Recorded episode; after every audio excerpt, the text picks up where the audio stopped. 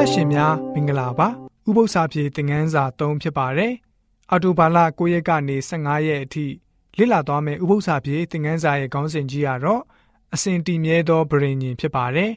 ဖတ်မဲ့ကျင့်ချက်တွေကတော့ကပောက်ကျန်ခန်းကြီး7အငယ်1ကနေ3ယောမဩရစာခန်းကြီး4အငယ်1ကနေ9ထမြောက်ကျန်ခန်းကြီး2အငယ်24တရားဟောကျန်ခန်းကြီး9အငယ်1ကနေ21တရားဟောကျန်ခန်းကြီး26ငယ်16ကနေ19 တရားဟောအကျမ်းခန်းကြီး၈အငယ်9ရှမသက်ခရစ်ဝင်ခန်းကြီး28အငယ်30တို့ဖြစ်ပါတယ်။အဓိကကျမ်းချက်ကိုတော့ကဘာဦးကျမ်းအခန်းကြီး18ငယ်9မှာတွေ့နိုင်ပါတယ်။ငါသည်တင်ဤဖျားတင့်နောက်၌တင့်အမျိုးအနွယ်ဤဖျားဖြစ်မည်ဟုတင်နှင့်တင်ဤအမျိုးအနွယ်အစဉ်အဆက်တို့၌ငါဗြိဉ္ဉ်ကိုထာဝရဗြိဉ္ဉ်ဖြစ်စေမည်ဆိုပြီးတော့ဖော်ပြထားပါတယ်။မြေကြီးပေါ်မှာနေတဲ့သူဒီဟုသော အသီးသီးဘာသာစကားကိုပြောတဲ့လူအမျိုးနွယ်ခတ်သိန်းတို့ကိုထာဝရဧဝံဂေလိတရားကိုဟောရတဲ့ကောင်းကင်တမန်တစ်ပါးကဗြိတိန်ခန်းကြီးဆက်လက်ငယ်6ကဖော်ပြထားချက်ကိုမှတ်သားဖို့အဖြစ်နဲ့ထာဝရဧဝံဂေလိတရားတော်ဟာဆိုရင်ထာဝရတည်တဲ့အရာဖြစ်ပါတယ်။ရှိထားခဲ့ပြီးတဲ့အရာခရစ်တော်ယေရှုဖခင်ကနေကျွန်တော်တို့ကိုဂရုပေးခဲ့တဲ့အရာ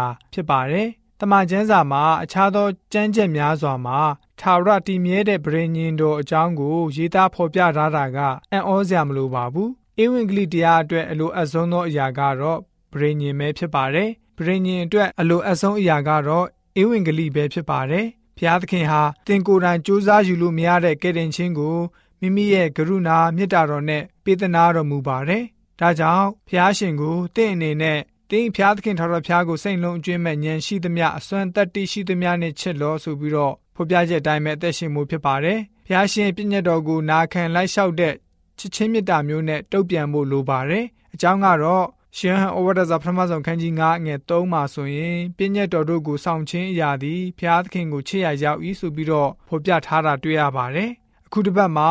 လေ့လာဖို့အကြောင်းကတော့တရားဟောအကျမ်းကဖော်ပြထားတဲ့ဗြိဉ္ဉ်ရဲ့သဘောတရားအကြောင်းပဲဖြစ်ပါတယ်။ထားရှိတဲ့ဗြိဉ္ဉ်နဲ့အဲ့ဒီအရာရဲ့တိတာထင်ရှားတဲ့လိုအပ်မှုတွေကို လေ့လာသွားကြမှာဖြစ်ပါတယ်ဆိုပြီးတော့ဥပုံနေဥပု္ပ္ပစာဖြစ်တဲ့ငန်းစာကဖော်ပြထားပါတယ်။